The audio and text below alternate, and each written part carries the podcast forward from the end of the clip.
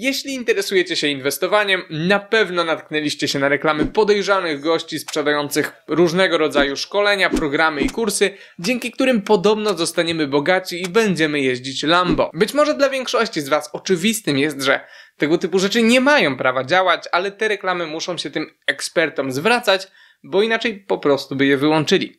Ktoś więc nadal daje się naciągać na te obietnice i dlatego dzisiaj wyjaśnię czemu w przeciwieństwie do tego co obiecują reklamy, inwestowanie prawdopodobnie nie sprawi, że będziecie bogaci. Żebyśmy się dobrze zrozumieli, zaznaczę, że jestem ogromnym zwolennikiem inwestowania, sam regularnie inwestuję środki i uważam, że większość społeczeństwa powinna przekonać się do inwestowania.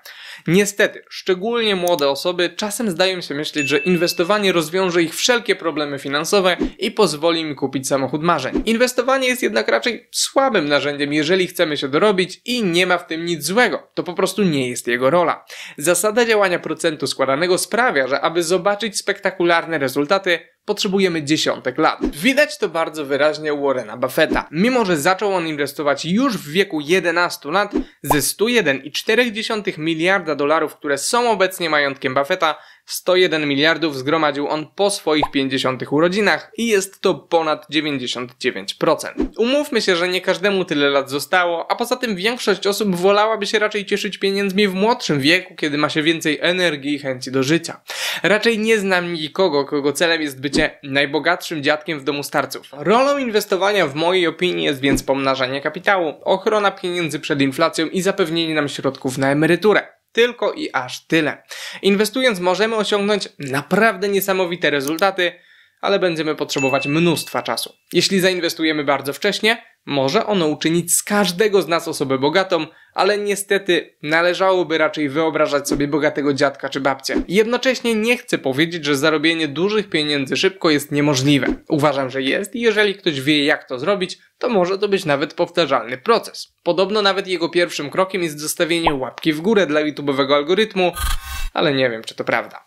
Mimo nielicznych wyjątków, nie wierzę jednak w dorobienie się łatwo, tak jak było to w przypadku na przykład osób, które bardzo wcześnie kupiły bitcoina. To są jakieś przypadki jeden na milion, których powtórzenie nie jest moim zdaniem możliwe. Z tego powodu nie poświęcam Bóg wie ile czasu na śledzenie wykresów i dobieranie akcji indywidualnych spółek do mojego portfela inwestycyjnego. Zamiast tego skupiam się na zwiększaniu swoich kwalifikacji i rozwijaniu się w taki sposób, który przełoży się na moje przyszłe zarobki. Dla kogoś może to być nauczenie się programowania, nauczenie się sprzedaży albo zbudowanie społeczności w internecie. W każdym przypadku będzie się to wiązało z ciężką pracą, determinacją i wytrwałością. Żeby rzeczywiście stać się osobą bogatą i móc pozwolić sobie na ekstrawagancję i styl życia osoby bogatej, potrzebujecie jednej z trzech rzeczy: dobrze działającego biznesu, bardzo wysokiej pensji albo bogatych rodziców. Tylko jedna z tych trzech rzeczy może przyjść łatwo i niestety w jakichś 95% przypadków inwestowanie nie będzie w stanie zastąpić żadnej z nich. Zamiast tego jest on skutecznym narzędziem, żeby zabezpieczyć swoją finansową przyszłość oraz niesamowicie potężną bronią w rękach kogoś, kto jest już bogaty i może inwestować duży kapitał.